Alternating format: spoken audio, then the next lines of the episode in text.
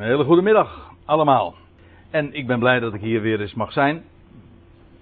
En ik zit alleen even te kijken of alle draadjes goed aangesloten zijn. Ja, dat is het geval. En ik wil u vanmiddag heel graag eens uh, meenemen naar hetzelfde gedeelte als waar zojuist uit voorgelezen werd. Dat wil zeggen uit dezelfde brief. Tweede Korinthebrief. Jan uh, las zojuist voor uit 2 Korinthe 3. En wij gaan ons vanmiddag eens bezighouden met de eerste verse van 2 Korinthe 4. Uh, waarom ik dat deze titel heb meegegeven, verblinding en verlichting, dat zal vanzelf wel blijken. Want Paulus gebruikt die beide begrippen ook uh, in deze verse. En over het grote contrast daartussen. En ik stel voor dat we gewoon maar uh, beginnen bij het eerste vers van, dat, uh, van die tweede Korinthebrief. En dat noodzaakt mij er meteen ook toe om eerst wat te vertellen over het voorgaande. Want de apostel begint dan met de woorden daarom hebbende deze bediening. Overigens, ik moet nog eventjes iets voor de goede orde erbij vermelden. U bent inmiddels van mij gewend dat ik altijd een interlineair hier onderaan vermeld. Waarbij, nou dat lijkt mij een vrij overbodige mededeling de bovenste tekst de, het Griekse origineel is, zoals Paulus dat heeft opgetekend.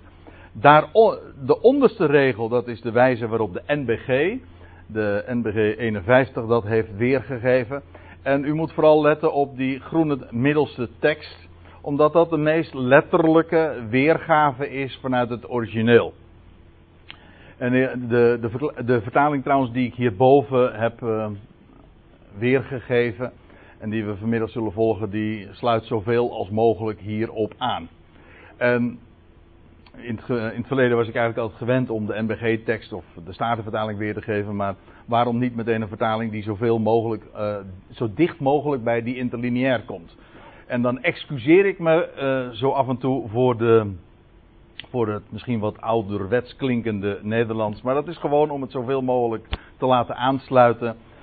Uh, één op één, voor zover mogelijk, maximaal laat ik het zo zeggen, op wat, uh, wat in het origineel staat. Daarom dan, schrijft Paulus, hebbende deze bediening. Dat verticale streepje trouwens, dat is dan ook nog eventjes een grammaticale mededeling. Dat betekent, dat is de tegenwoordige tijd.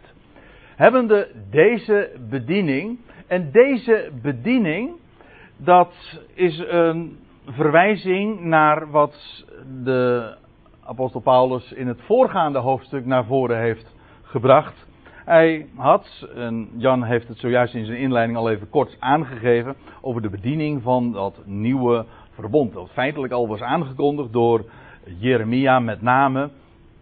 En dat dan ook gecontrasteerd wordt met het oude verbond.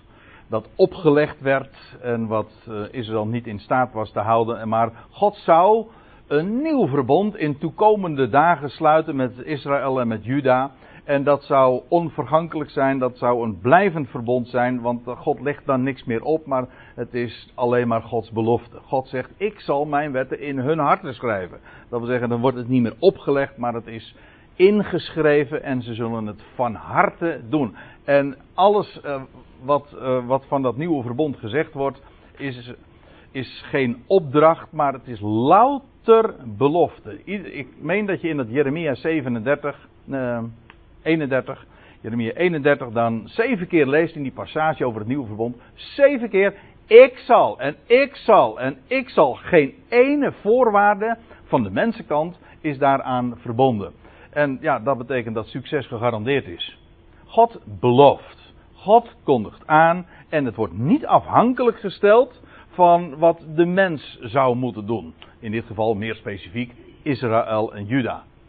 Maar het principe van dat nieuwe verbond is dat het dus onvoorwaardelijk is. God belooft. Zonder dat daar ook maar iets aan condities van de mens ten eh, ijs worden gesteld. Nou, daarover had Paulus gesproken. Uh, nogal uh, vrijmoedig, zo zegt hij dat ook trouwens in dat 2 Korinthe 3 en blijmoedig. Hij zegt, hij noemt het in vers 8 van hoofdstuk 3. Is het scherp genoeg trouwens? Oké. Nou, dan sta ik er een beetje onscherp. Eh, te... ik kijk er misschien wat onscherp tegenaan dan. Maar goed, de... hij noemt dat, die bediening de bediening van de geest. En dat is feitelijk ook een synoniem van leven. Dat blijkt ook wel, want in het voorgaande vers had hij het over dan plaatst hij het over. Dan zegt hij van die stenen tafelen waarmee Mozes de, van de berg afkwam. Hij noemt dat een bediening van de dood. Ja, ja. Dat, uh, de bediening van de stenen tafelen die Mozes gaf aan Israël, dat is een bediening van de dood. En daartegenover staat de bediening van de geest. En daarmee is geest dus ook leven. En zo wordt die bediening genoemd. Dat wil zeggen, het is echt een bediening van geest, van leven, van onvergankelijk leven. Hij spreekt ook over de levendmakende geest. En elders in de Korinthebrief, in de eerste Korinthebrief, zegt hij dan: Ja, wie is die levendmakende geest? Dat is de laatste Adam. De laatste Adam is een levendmakende geest. Dat wil zeggen, hij is opgewekt uit de doden en hij heeft leven aan het licht gebracht dat onvergankelijk is. Nou, dat geeft eh, de burger moed. En het is een bediening van de geest. Het is ook de bediening van de rechtvaardigheid. Dat is vers 9 van datzelfde hoofdstuk. Dat wil zeggen, een, ik geloof dat de NBG-vertaling dat dan weergeeft met een bediening die rechtvaardigheid brengt. Het, de bediening van het oude verbond was een bediening van veroordeling. Ja, dat heb je als de voorwaarde aan de mens gesteld wordt en de mens kan niet uh, daaraan voldoen, dan is de consequentie, de ijzeren consequentie daarvan veroordeling. Maar dit is een bediening die rechtvaardigt. Het is een bediening van rechtvaardigheid, van leven en rechtvaardiging. En bovendien overvloedig in heerlijkheid. Het is overvloedig in van geest, van leven, ook overvloedig van rechtvaardigheid. Zowel wat het, eh, de inhoudelijke kant, God rechtvaardigt. En dat doet hij niet mondjesmaat, maar dat doet hij totaal. En bovendien ook totaal in, de, in, de, in, de, in het effect. Dat wil zeggen, die, die, echt, die rechtvaardiging, die is bestemd voor alle mensen. Dat is Romeinen 5 vers 18. Zoals door één mens de veroordeling alle, gegaan is tot alle mensen. Dat wil zeggen, alle mensen zijn veroordeeld om sterveling en zondaar te zijn. Wel, de bediening van geest en van rechtvaardigheid, die is overvloedig in heerlijkheid, strekt zich namelijk net zo uit tot alle mensen.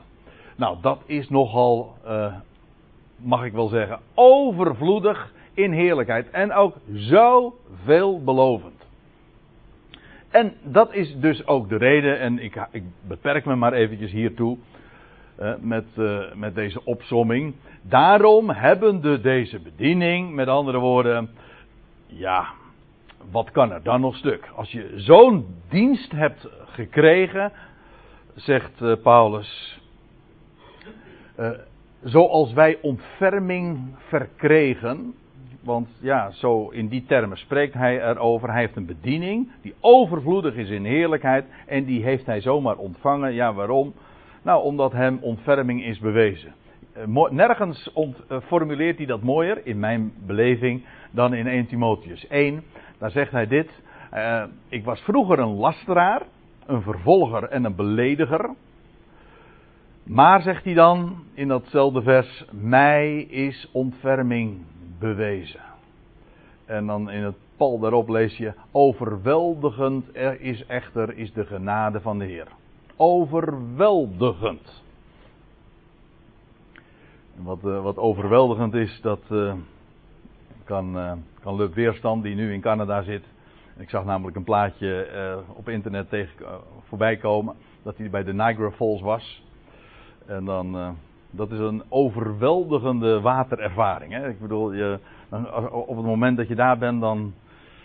Of je, je vaart daar, dan kies je er niet meer voor om nat te worden. Je wordt daar gewoon door overweldigd.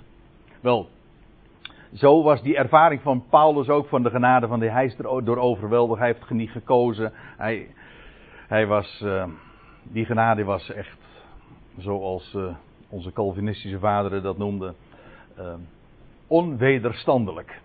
En dat vind ik wel een mooie. Dat wil zeggen, niet te weerstaan.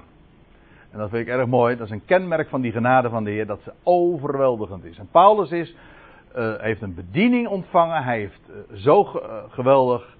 En hem is ontferming bewezen. Hij heeft ontferming verkregen. En daarom zegt hij: daarom worden wij niet moedeloos. Als je nog even verder leest in ditzelfde hoofdstuk.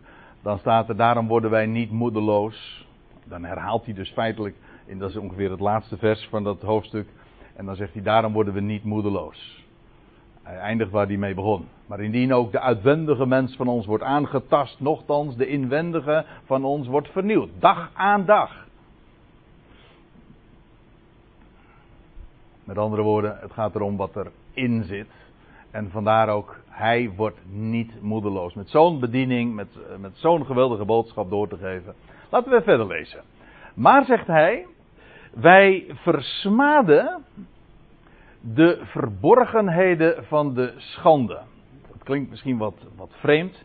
In de MBG-vertaling ziet u, wij hebben verworpen alle praktijken die het licht uh, niet kunnen zien. Schandelijke praktijken. Dat is een hele vrije weergave.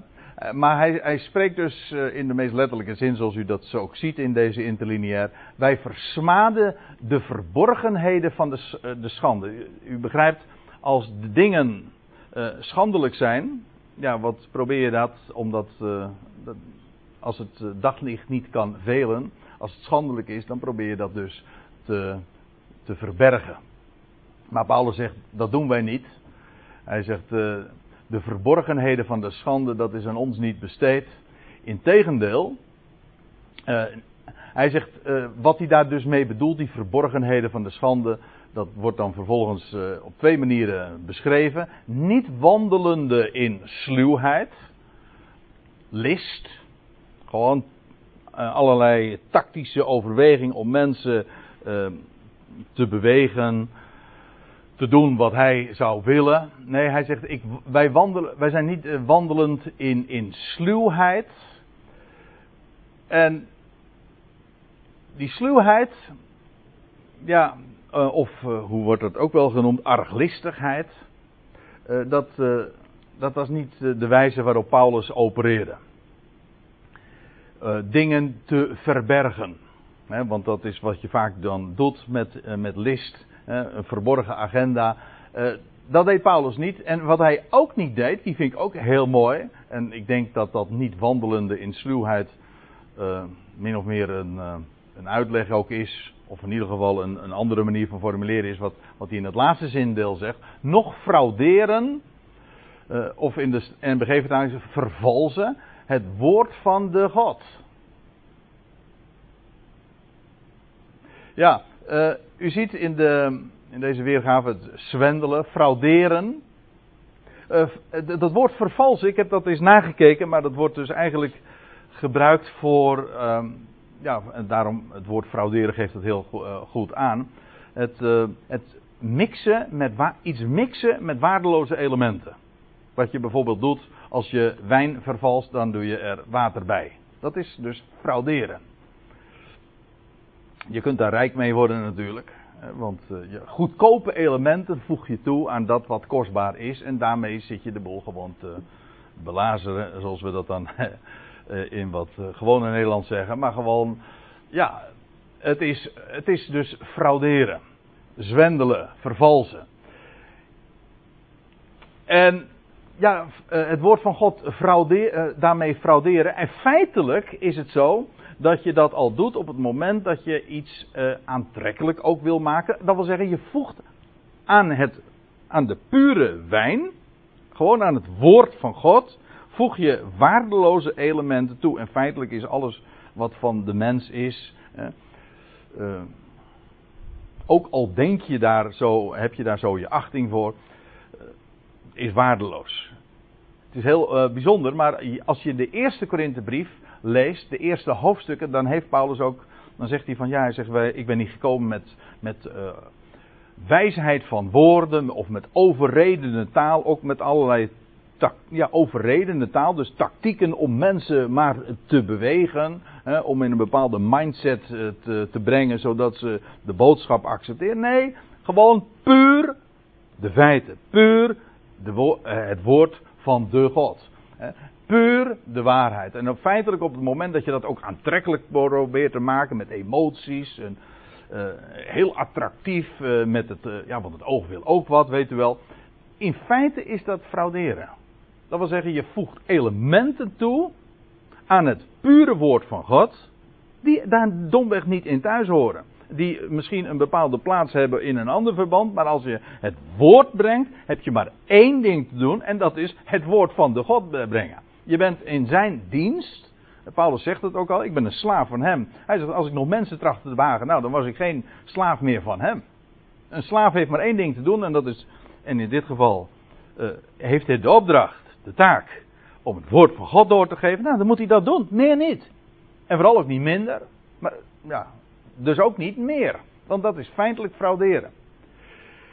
Iets eerder in dezezelfde brief had hij gezegd, in hoofdstuk 2, vers 17: Wij zijn niet als de velen, marchanderende. Nou ben ik even benieuwd hoe het ook alweer stond in de, in onze, in de MBG-vertaling, 2 Korinthe 2, vers 17. Wij zijn niet als zoveel die winst maken uit het woord van God. Ja, er eigenlijk dus koehandel mee bedrijven. Ja, dat is toch wat marchanderen is. Er winst uit proberen te halen, dat, kun je ook gewoon in de letterlijke zin opvatten van om daar uh, geld mee te verkrijgen of om er rijk mee te worden. In feite ben je dan ook aan het marchanderen. Maar uh, deze weergave van dat marchanderende, het woord van de God, dat, dat heeft ook de gedachte in zich. Hoe staat het in de Statenvertaling? Mag ik dat, heeft dat iemand? Oh ja, eh, te koop, eh, eh, te koop aanbieden, zeg maar. Ja, gewoon. Dat is in wezen, dan ben je ook een. Uh, wil eigenlijk zeggen dat je als een koopman optreedt. Iets als koopwaar presenteert.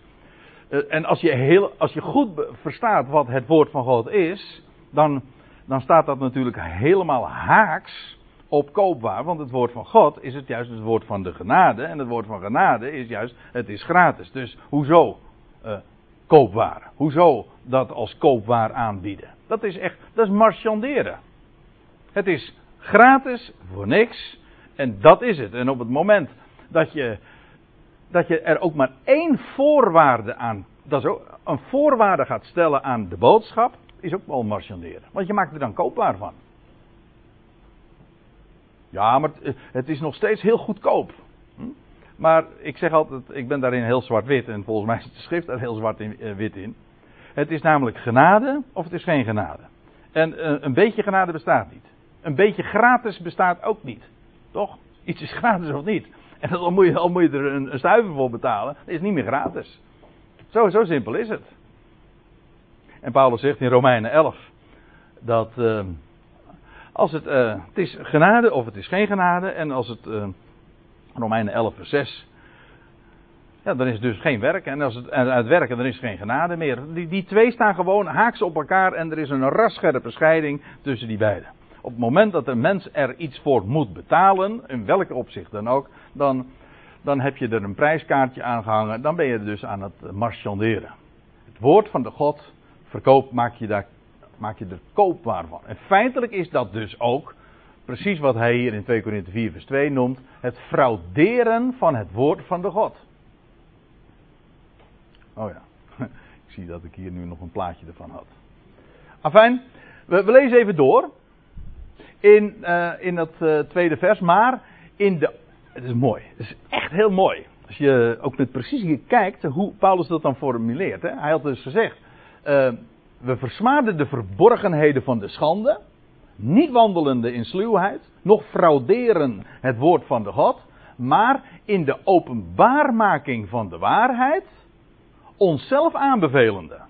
Met andere woorden, hoe beval Paulus zichzelf aan? Wel, door één manier, en dat is door de openbaarmaking van de waarheid. Dat was zijn aanbeveling. Hij zegt eerder in hoofdstuk 3, vers 1: uh, eh, wij, wij zijn niet als de, de velen die een aanbeveling nodig hebben. Dus hij had geen aanbeveling van anderen nodig. En in hoofdstuk 10 van vers 18 zegt hij: Ik beveel ook mezelf niet aan. Behalve dan in het feit dat hij de waarheid openbaar maakt. Hij legt Hij vertelt gewoon zoals het is. Hij is puur, hij is echt, hij heeft een boodschap en, die, en hij, hij bracht het woord gewoon zoals het is. Niet meer, niet minder, dat is het. We, hij maakte de waarheid openbaar. En met waarheid bedoel ik niet een bepaalde mening waar hij van overtuigd was, maar gewoon feiten. Als hij de schrift bracht, bracht hij gewoon de schrift zoals er staat. En als hij vertelt wie, waartoe hij geroepen is, dan, en, en wat hij eh, hoogst persoonlijk ook van Christus Jezus, die hem afgevaardigd had, te horen had gekregen, wel, dan brengt hij de waarheid aan het licht, of die maakt hij dan openbaar. En dat is een aanbeveling aan zich.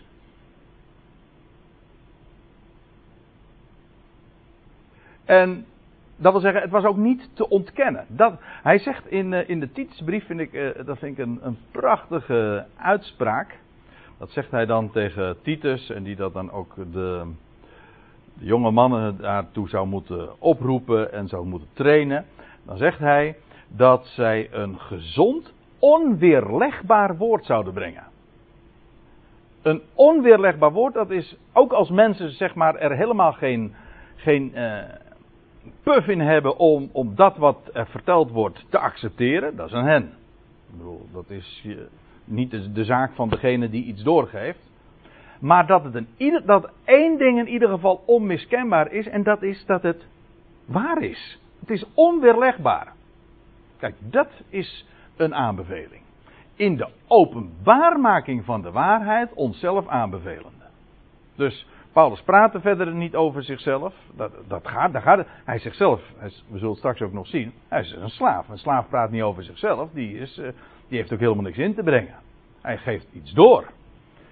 En, en hij hoeft zichzelf ook niet aan te bevelen, hij heeft ook anderen niet aan te bevelen. Dat is allemaal niet zijn, dat is allemaal niet zijn pakje aan. Het enige wat hem te doen stond, dat is de waarheid openbaar te maken. En dat is in zichzelf de aanbeveling. Naar elk geweten van mensen toe in het zicht van de God. Dat wil zeggen, in de openbaarmaking van de waarheid bevelen wij onszelf aan en elk menselijk geweten, dat wil zeggen iedereen die eerlijk is en dit onder ogen ziet en, onder, en hoort wat wij te melden hebben, die moet weten dat wat ik meld, de, dat, dat wat ik in mijn bediening mag, naar voren mag brengen, dat dat inderdaad de waarheid is. En, ja, naar elk geweten van mensen toe in het zicht van de God. Dat wil zeggen, in de, voor het aangezicht van God, ik lieg niet, hè, zoals hij dat dan elders uh, noemt. En ook dat mensen dat uh, kunnen checken, kunnen toetsen. Het is niet, de, de vraag is dus niet of iets, uh, waar ik het zojuist al even over had, of het attractief is, of dat het eh, emotioneel is, of dat het zelfs mooi is. Het gaat erom, is het waar?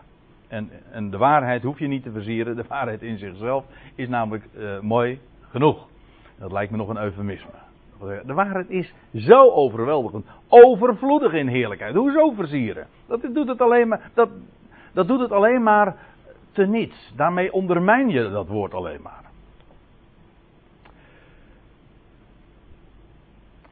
Dan zegt hij, en hier krijg je een wending in de gedachte. Indien echter ook bedekt is het goede bericht van ons, hè, dat evangelie van ons, ik zeg het even nu op zijn Nederlands, of die blijde tijding. Indien echter ook bedekt is het goede bericht van ons, dan is het bedekt in degene die verloren gaan. Eerst even dit. Indien het ook bedekt is, uh, hoezo? Uh, dat, kijk, in het voorgaande, dat woordje echter geeft dus aan dat er nu een, een, een andere gedachte ontwikkeld wordt. Of in ieder geval een, een tegenstelling wordt uh, gesuggereerd. Namelijk, ieder die eerlijk is, elk mens die zijn, wiens geweten zuiver is, die zou moeten weten dat wat Paulus vertelt niets anders dan de waarheid is. En hij maakt dat, dat hij die waarheid ook openbaar maakt. Dat zou ieder dus voor zichzelf ook kunnen vaststellen. Maar zegt hij, dat neemt niet weg dat, dat wat wij te melden hebben, dat goede bericht, dat dat niettemin toch wel degelijk bedekt is. Dat wil zeggen, niet gezien wordt.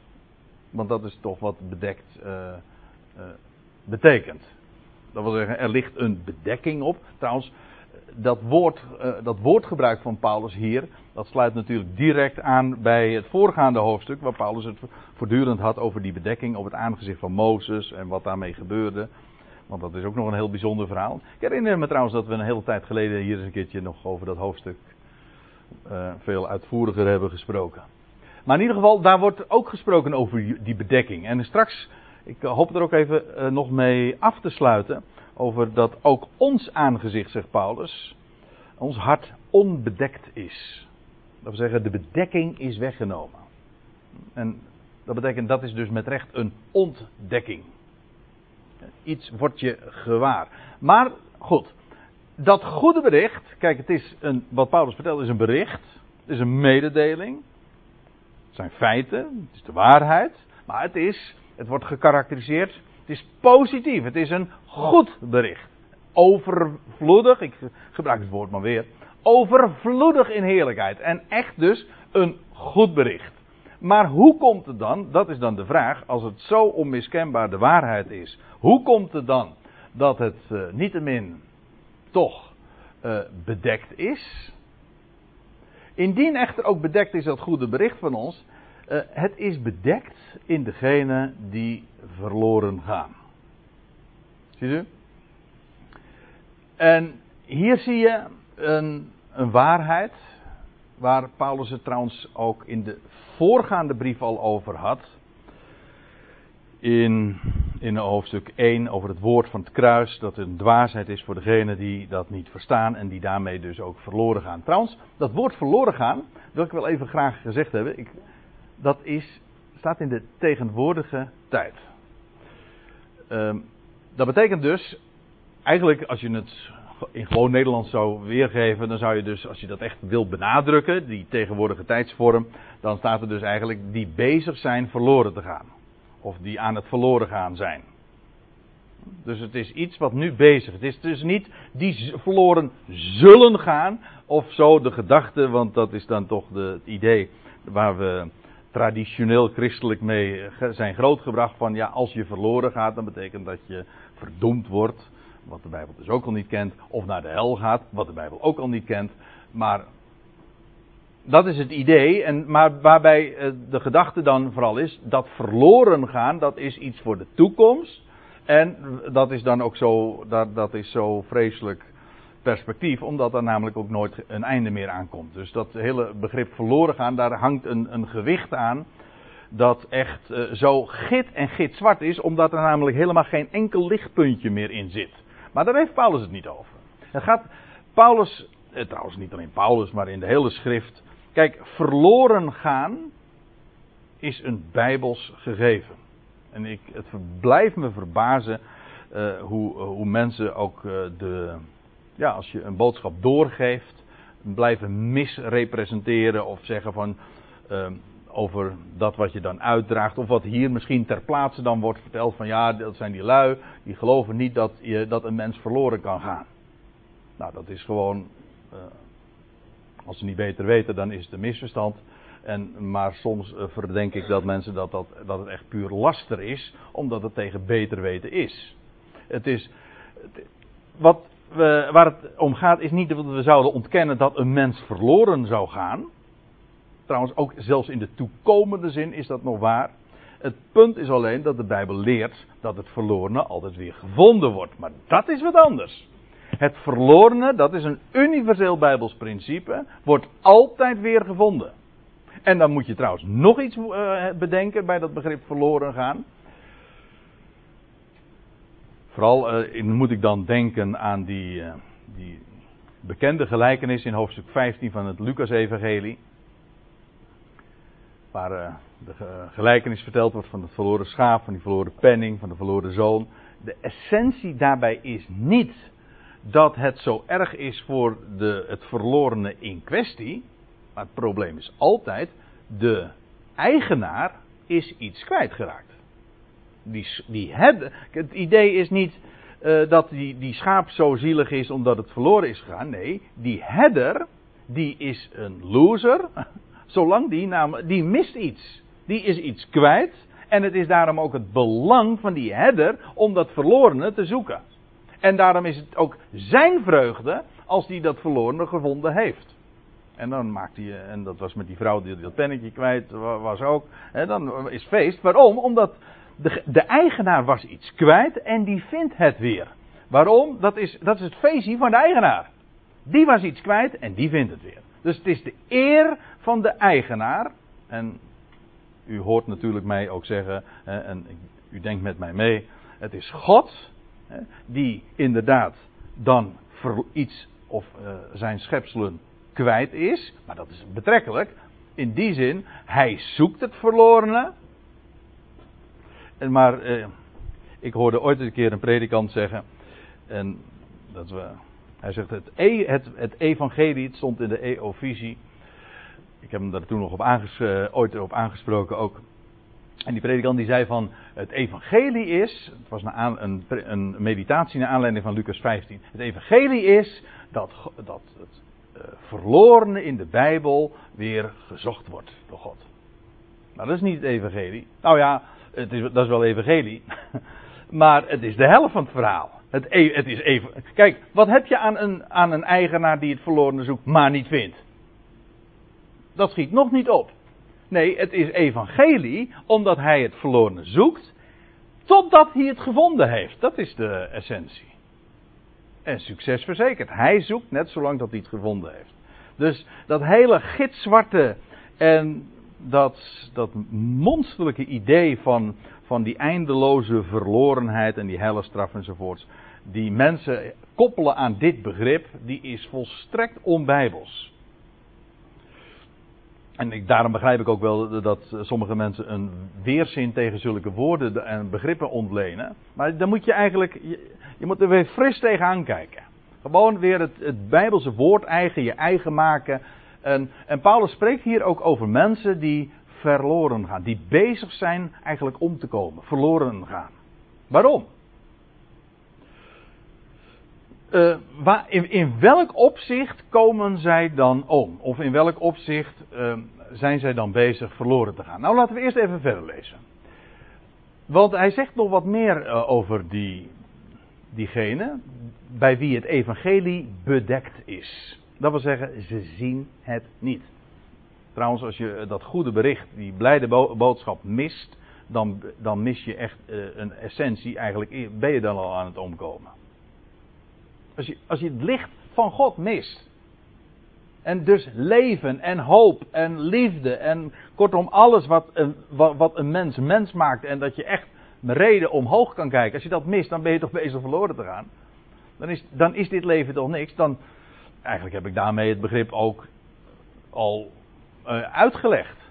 Maar laten we eerst nog eventjes, uh, zoals gezegd, kijken wat daar uh, mee aan de hand is. Want er staat in vers 4 in wie, dus voor wie het evangelie bedekt is, die, niet, die geen zicht hebben op dat evangelie, ondanks dat het feit dat Paulus het openbaar maakt en de waarheid neerzet, en dat ze het in hun geweten zouden weten, maar ze, ze zien het niet, omdat in wie de God van deze aion verblindt de gedachten van de niet-gelovenden.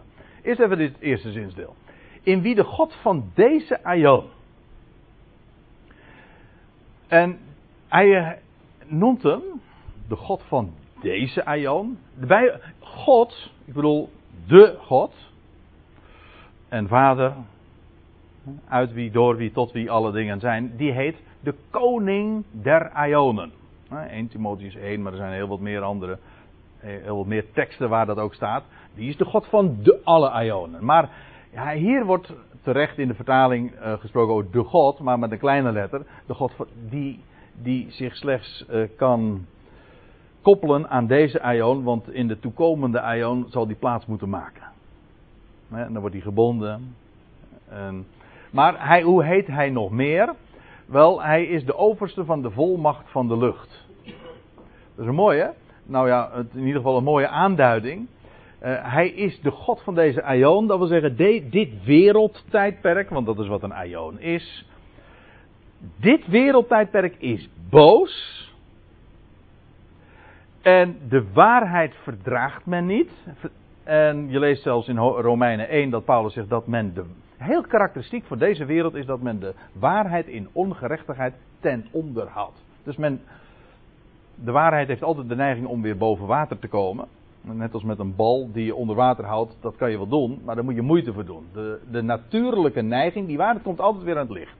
Daarom hoef je, over de waarheid hoef je nooit zorgen te maken. Die komt altijd aan het licht. Vroeg of laat. Maar de God van deze Aion, die verdraait die waarheid. Die houdt die waarheid ten onder. En dat, dat is een, heel, een hele stelselmatige deceptie die daar ook aan, achter schuil gaat. Maar uh, daarvan zegt hij in Efeze 2. Eh, in welke, en dan heeft hij het over al die, uh, die duisternis waar ze ooit in wandelden.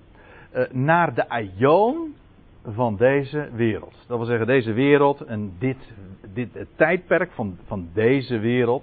En dan zegt hij er nog iets bij. Naar de overste van de autoriteit van de lucht. Dat wil zeggen, er is dus in de lucht, in, het, in dat wat wij niet zien, in wat.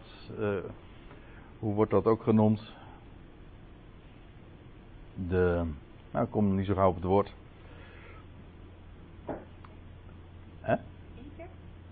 Ja, in de ether. Dat is ook wel een goeie trouwens. Ja, allemaal wat er in de, in de ether zo zich uh, afspeelt. En daar, kunnen we onze handen en onze vingers niet op leggen. Maar er komen zoveel boodschappen tot ons. En, en die is, uh, de ether is vervuild. Want de die, die, macht van de lucht. En daar is, ook, daar is ook een hiërarchie in. De overste van de macht der lucht. En die, die zorgt ervoor dat deze wereld en deze aion inderdaad compleet. Uh, de weg kwijt is. De weg kwijt is en dus daarmee ook weer verloren uh, gaat. Uh, in welke jullie eens wandelen naar de aion van deze wereld, naar de overste van de autoriteit van de lucht, van de geest, die nu inwerkende is in de zonen van de ongezeggelijkheid. Dat wil zeggen, ja, dat is, de, deze wereld wordt daardoor gekenmerkt ongezeggelijk. maar daar, dat komt omdat daar een geest is inwerkende in, in, in de lucht. En daar is een overste voor verantwoordelijk. Nou, die heet dus in.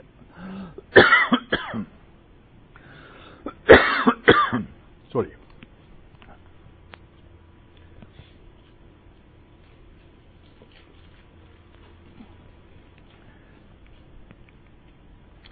Die God van deze Aion, die achter de schermen dus het hele denken en de geest bepaalt van deze wereld. Daar hebben wij verder geen zicht op, maar dat is wat er dus achter de schermen gebeurt.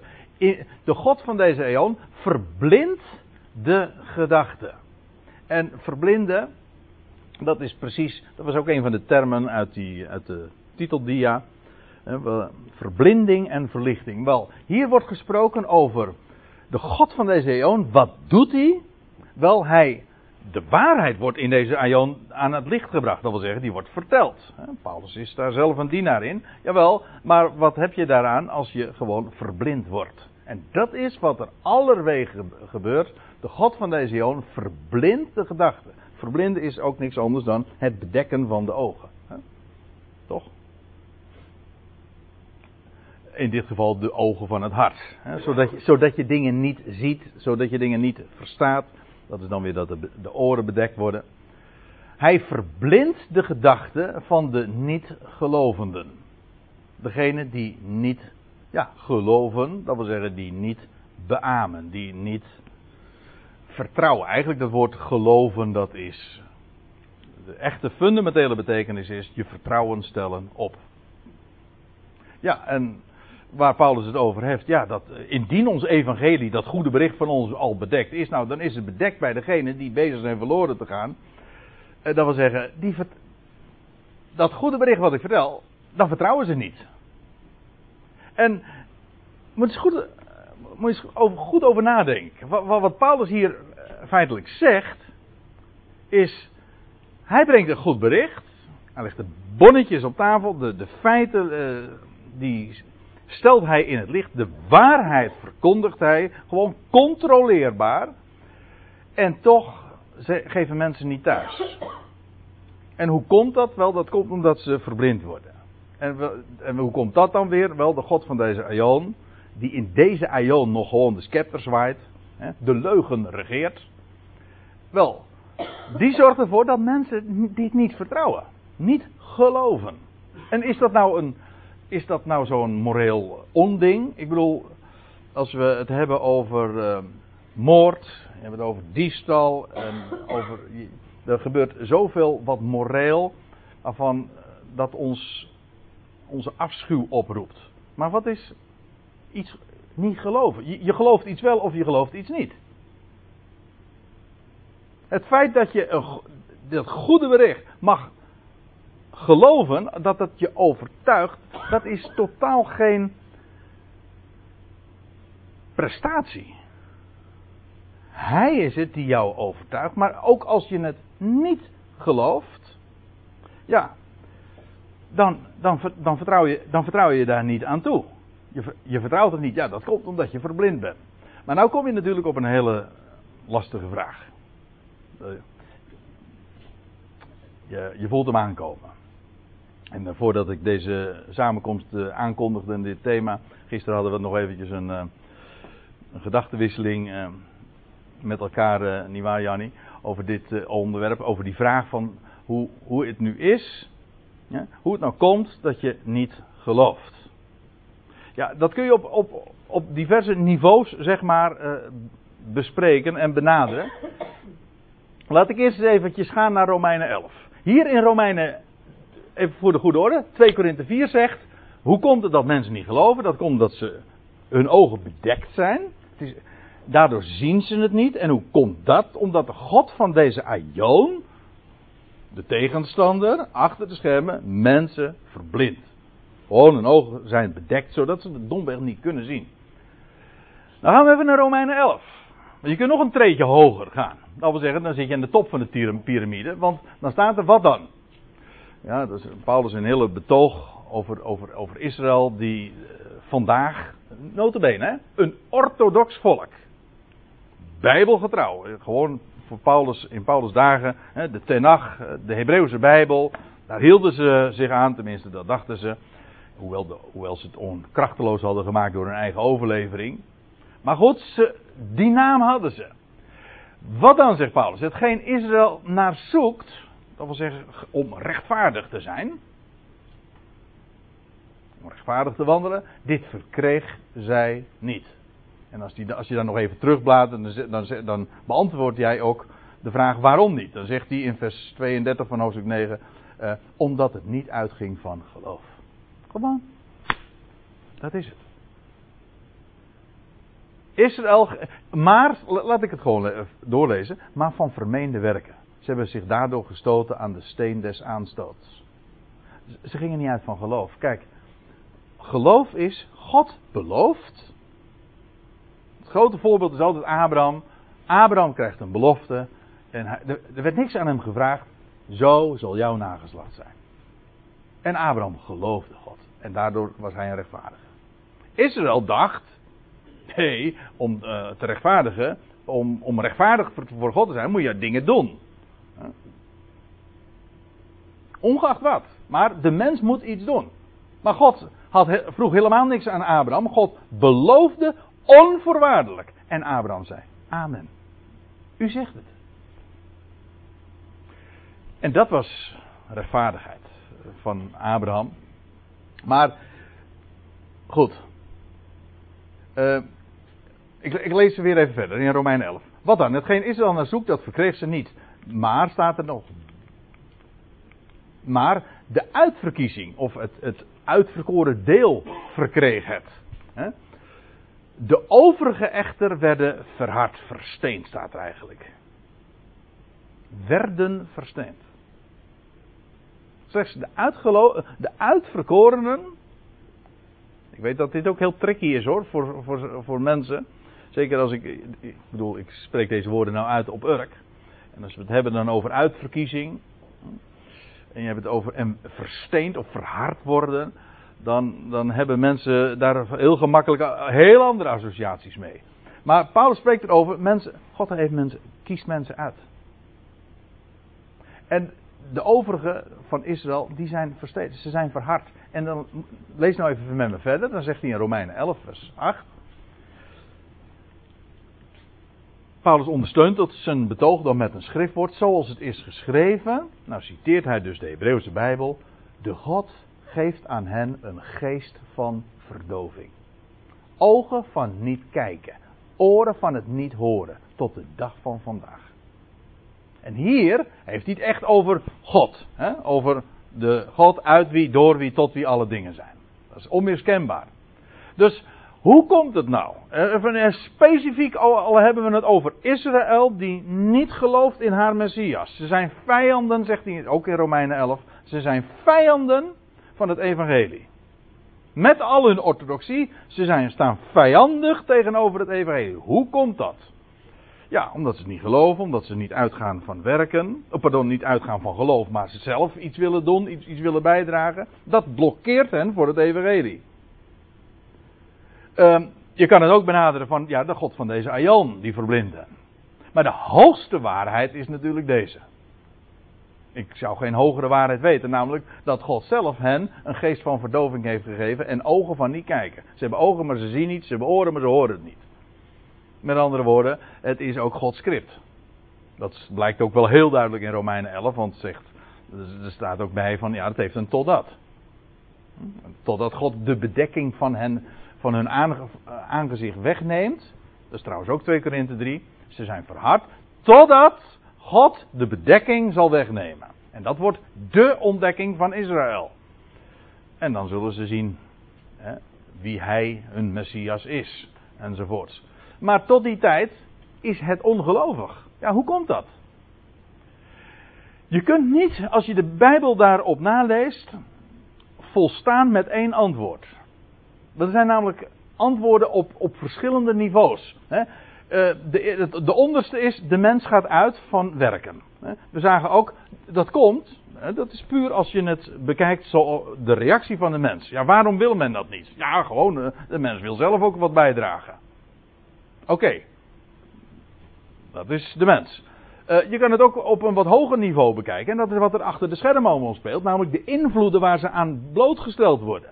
Waardoor mensen domweg niet uh, iets kunnen begrijpen en verstaan. En dan praat je over het niveau waar Paulus het ook over heeft in 2 Korinthe 4. De God van deze Aion, dit wereldtijdperk, die dat beheerst.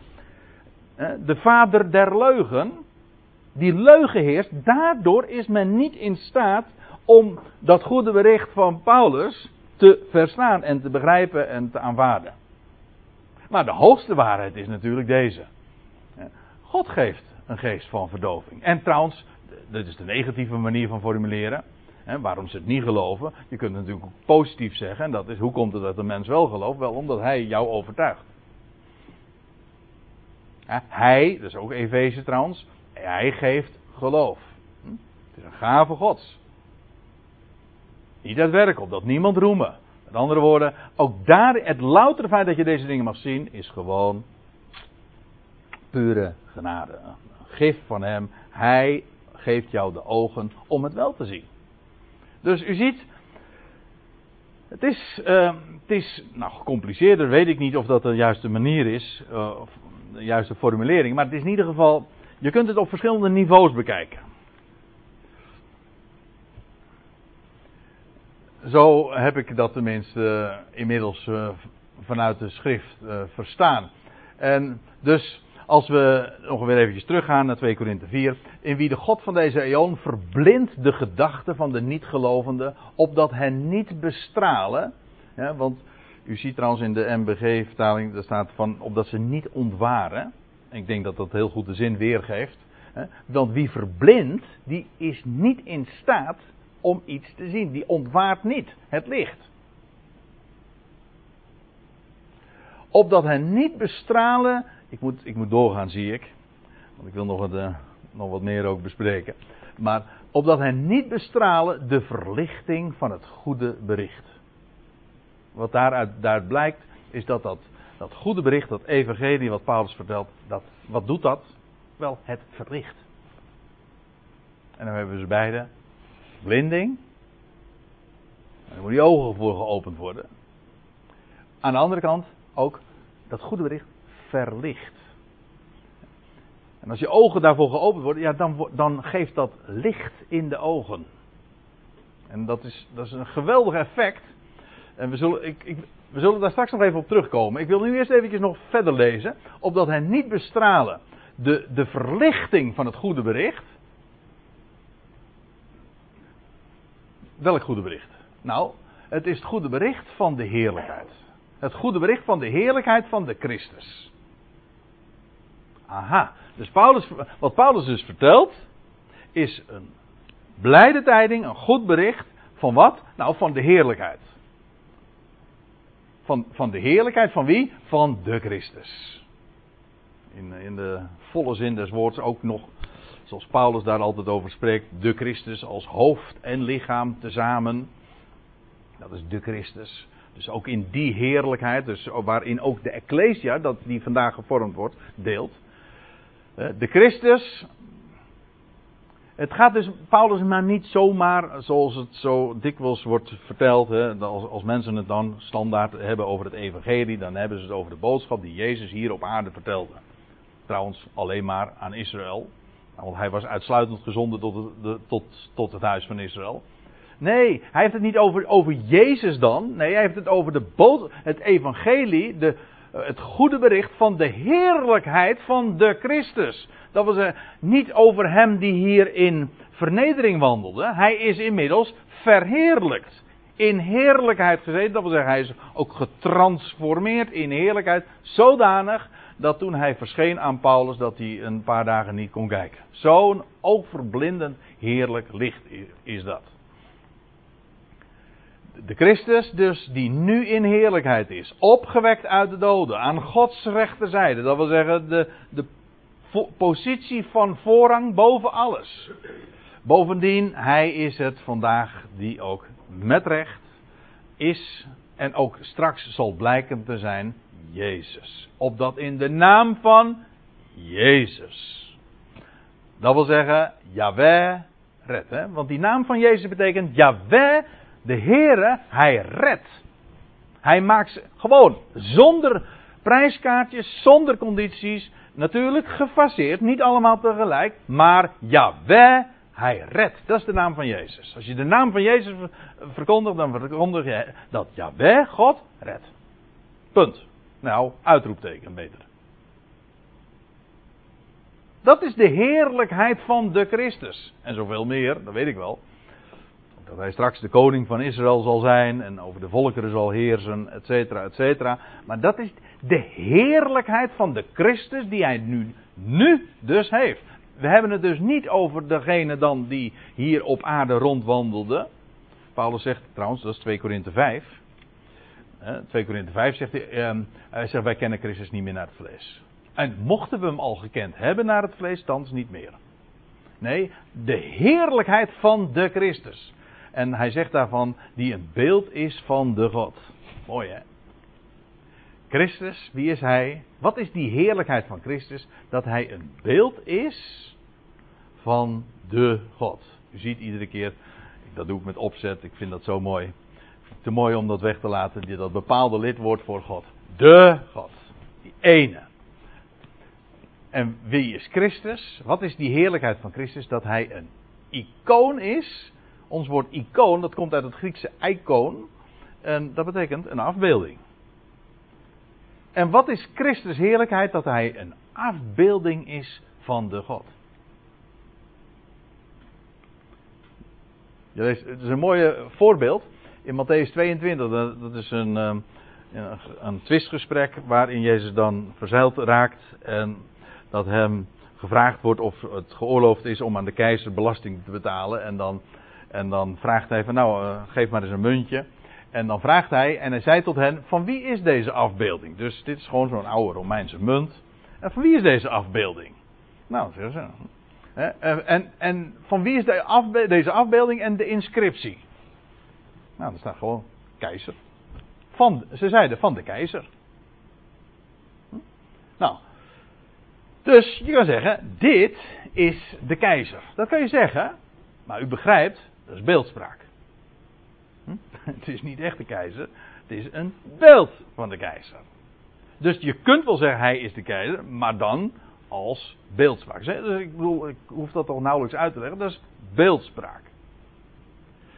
Dit, deze heerlijkheid hè, van Christus, dat hij beeld is van de God, de icoon van de God, die is al heel vroeg in de kerkgeschiedenis is compleet verduisterd. Eerst al de ene God werd een triniteit en werd een, eigenlijk een soort van goddelijke familie, meerdere, meerdere personen. Maar God de Vader, de Bijbel zegt, voor ons nogthans, zegt Paulus, voor ons nogthans is er één God, de Vader.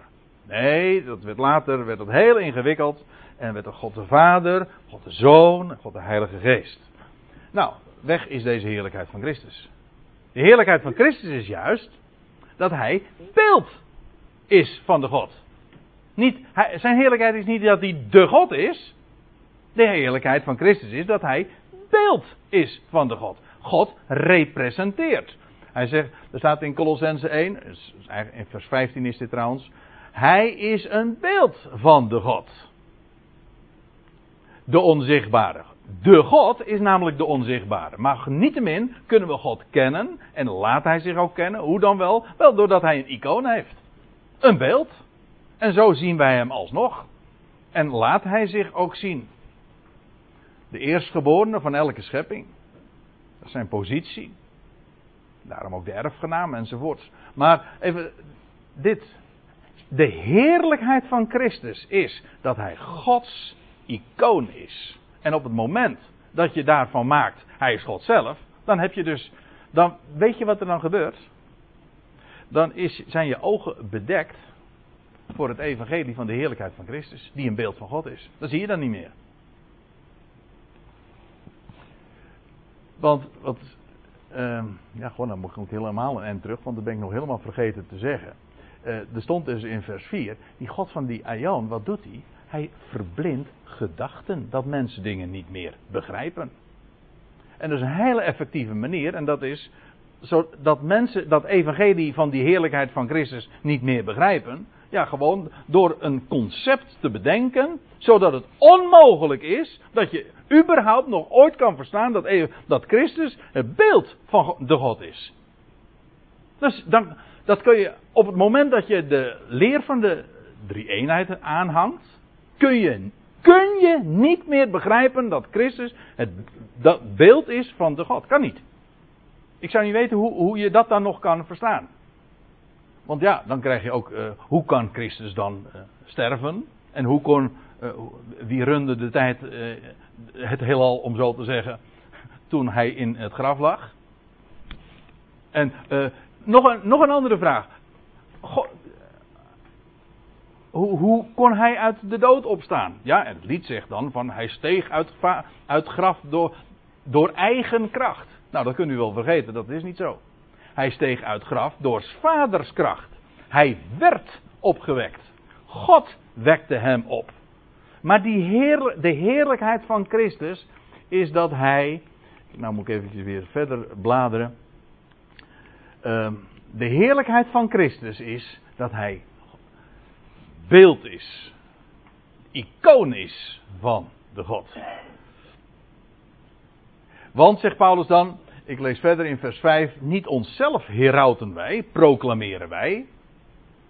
Ja, logisch, daar ging het helemaal niet om. Maar Jezus Christus als Heer.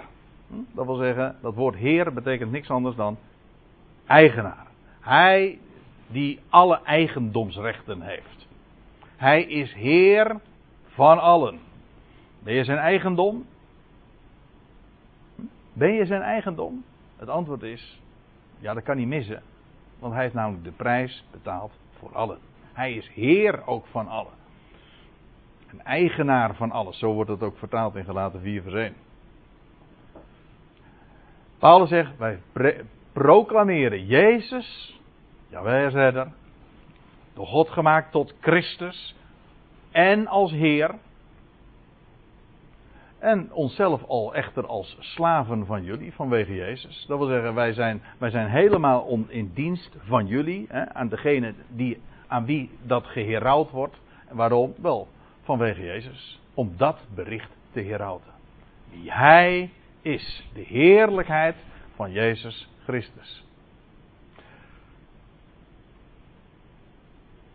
De God Paulus vervolgt nog verder, en want hij komt nu met nog een citaat. Hij spreekt over de God, dat de God die zegt, vanuit duisternis zal licht schijnen. Wat denkt u er trouwens dat Paulus het over heeft? In, in Genesis, daar lees je in Genesis 1 vers, vers 3 is het denk ik. Daar lees je natuurlijk al de eerste woorden. Er zij licht van Gods wegen. Maar er staat niet van, vanuit duisternis zal licht schijnen. Maar als je in Jezaja 9 vers 3, dan lees je over dat volk dat in duisternis wandelt. Dat is trouwens ook Israël. Het volk dat in duisternis wandelt zal een groot licht zien. En meer specifiek nog in Job 37, maar dan moet je vooral de Griekse vertaling van, de, van het vers nemen. Daar staat inderdaad vanuit duisternis zal licht schijnen. Wel, dat is de God die licht is en wiens woord ook licht is en leven is. De God die zegt, vanuit duisternis zal licht schijnen, die doet het schijnen in de harten van ons.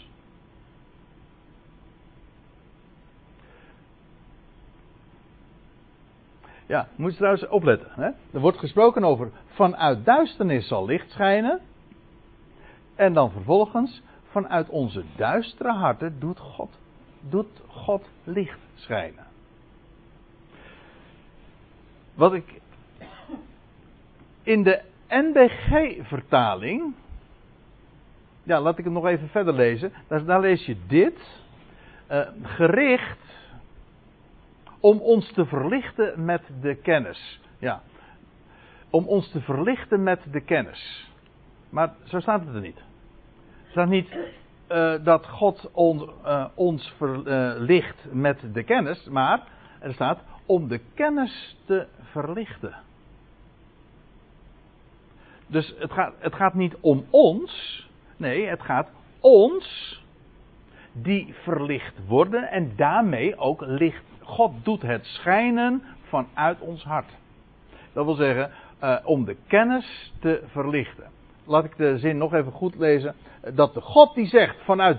De God die ooit sprak. Vanuit duisternis zal licht schijnen. Die doet het schijnen.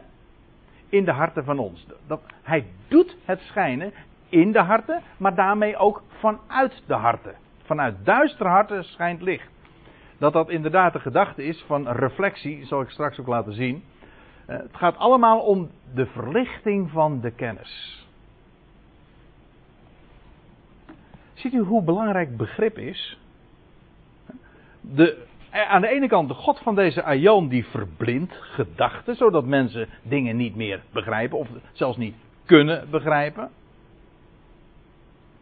Dat, dat is maar geen kinderwerk hoor. De God van deze Aion dat is een meesterbrein die precies weet wat hij doet. En je kunt, en het is helemaal effectief wanneer je natuurlijk uh, het volk dat geacht wordt het evangelie, het goede bericht te beheren. Als je die in, in staat bent om hen te misleiden en om er een, een zwenking aan te geven, zodat mensen totaal niet meer in staat zijn om dat evangelie te begrijpen. Die, die verblindt, hij verblindt de gedachten. Maar wat God vervolgens doet, is ook de kennis verlichten. Dat wil zeggen, de kennis, het gaat om begrip. Ik weet dat sommige mensen daar heel erg uh, met dédain over spreken. Over van ja, nou ja, dat, gaat, dat is maar kennis. Maar dat is nu juist. Een, een bericht, dat, is, dat versta je, dat begrijp je. De, het evangelie van de heerlijkheid van Christus, die beeld Gods is. Het gaat erom dat we dat ook gaan begrijpen. En op het moment dat een mens dat gaat begrijpen, dat wil zeggen begrip daarvan krijgt, gaat het ook zijn werk doen, namelijk gaat het je verlichten. Zodat de duisternis in je hart verdwijnt, zodat je zicht krijgt op de dingen. Dat is, dat is wat verlichting is. Heeft alles te maken met bewustwording, met begrip van. Gericht op verlichting van de kennis. En de zin loopt door, want ja, eh, kennis van wat dan? Nou, van de heerlijkheid van de God. Daar gaat het om. Dat we kennis, dat de kennis verlicht wordt, dat wil zeggen in het licht gesteld wordt, van wat? Van de heerlijkheid van de God. Uh, dat de God heerlijkheid heeft. Ik blijf de, een van de mooiste aanduidingen vinden, 1 Timotheus 1. Dus heel makkelijk onthouden. 1 Timotheus 1, vers 11, allemaal ene. Het gaat ook over de ene God en de ene boodschap. Het gaat over het. Daar noemt Paulus dat evangelie het goede bericht van de heerlijkheid van de gelukkige God. Daar heb je het. De heerlijkheid van God. Wat Paulus in uh, bediening was, hij stelde in het licht de heerlijkheid van ja, het evangelie, het goede bericht, van de heerlijkheid van de God die gelukkig is. Dat is heerlijkheid. De God die alles bedacht heeft, in zijn hand heeft en alles tot een goed einde gaat brengen en al het verlorene weer ook weet te vinden. En die, om die reden, vanwege dat verzekerde succes op voorhand, is hij de gelukkige God. Moet je beseffen joh, dat de God die wij, die de schrift, vader noemt. De oorsprong van alles. Ja, hij is Abba.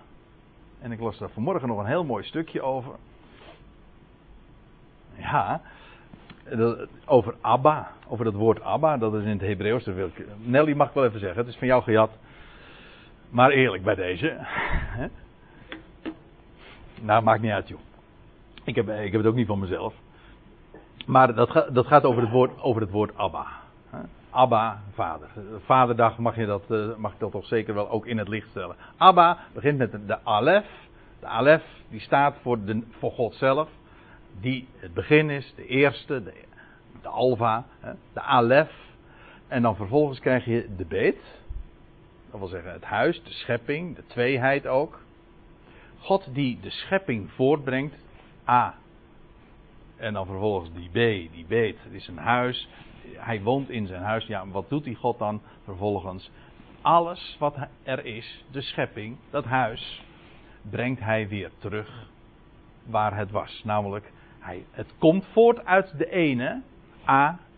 Vervolgens is daar die tweeheid, de beet, de schepping, met zijn contrasten en met hemel en aarde. Kortom, die dualiteit. En vervolgens die dualiteit brengt hij allemaal weer tot één.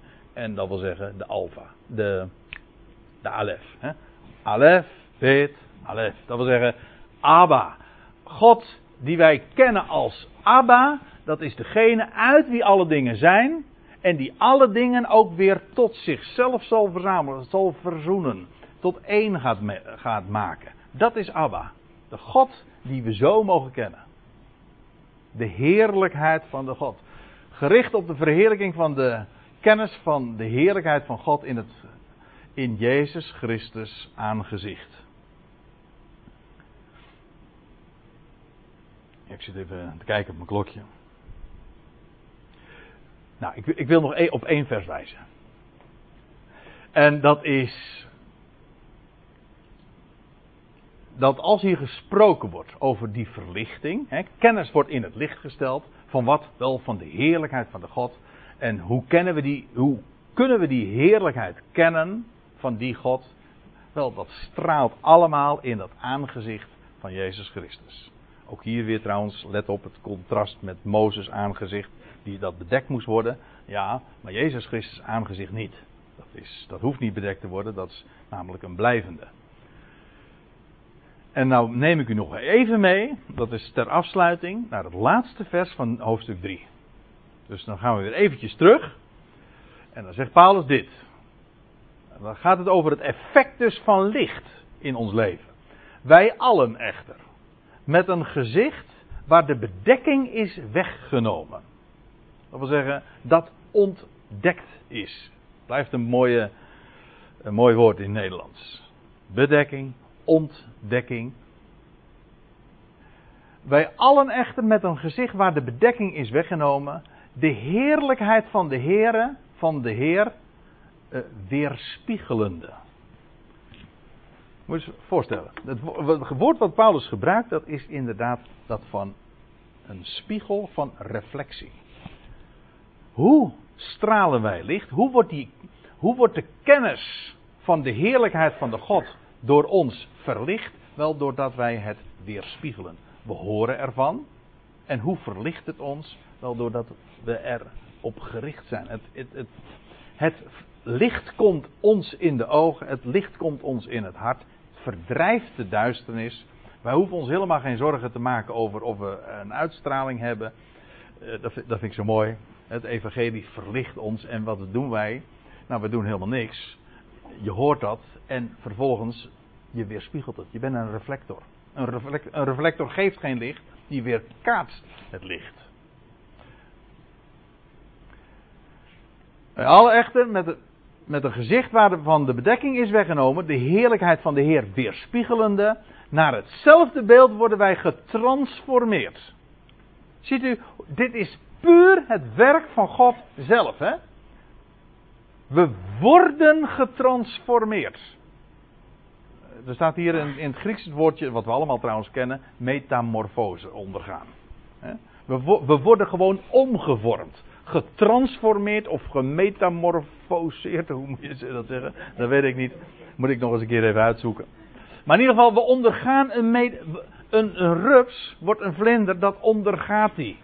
Dat, dat doet hij niks voor, dat gebeurt. En hoe gebeurt het? Die metamorfose nu, zoals de Heer ons nu ook verandert in ons denken van binnenuit. Dat is puur het licht van het goede bericht van de heerlijkheid van God. Als je dat mag horen, als je het gaat verstaan, als, de, als je het gaat ontdekken, of als het je ontdekt wordt, hoe je het ook maar wenst te formuleren, dan gaat dat zijn werk doen. Dan ga je dat weerspiegelen en dan word je getransformeerd naar hetzelfde beeld. Dus dan ga je datzelfde licht wat je in de ogen krijgt, ga je ook weer uitstralen. Dan ga je stralen. En van heerlijkheid tot heerlijkheid. Namelijk zoals vanaf de Heer die geest is. Dat wil zeggen, het is de Heer die dat doet. Namelijk door zijn geest, door zijn kracht. Zoals zijn krachtig woord ook uiteraard. Maar in ieder geval is een, een transformatie van heerlijkheid tot in heerlijkheid. Dat is dus verlichting. Verblinding aan de ene kant, verlichting aan de andere kant. En, en wat een voorrecht is het om vandaag, nu al, dat, daarmee wil ik dan graag afsluiten. Wat een voorrecht is het om vandaag al verlicht te mogen worden. En begrip te mogen hebben van wie Hij is en hoe overweldigend groot die heerlijkheid is. Ik stel voor dat we het daarbij laten voor vanmiddag. En ik stel voor dat we ook nog een, een lied zingen met elkaar. En ik had er.